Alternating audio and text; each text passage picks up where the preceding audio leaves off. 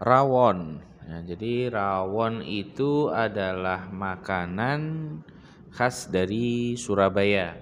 Jadi teman-teman yang asalnya dari Surabaya pasti ya sering ya makan makanan yang namanya rawon. Rawon itu e, dari dagingnya daging sapi yang dipotong potong dadu ya kotak-kotak gitu terus e, dikasih kuah ya manis rasanya dikasih sambal mantap Terus makanya pakai kerupuk guys.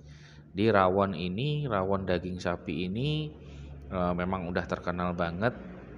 Ya apalagi di restoran-restoran bintang 5 maupun di kaki-kaki 5. Nah, di warung kaki 5 pun banyak, apalagi di restoran bintang 5. Nah, e, ini adalah salah satu juga kuliner andalan dari Indonesia ya. Jadi buat teman-teman yang belum pernah nyobain rawon, cobain deh kenikmatan rawon.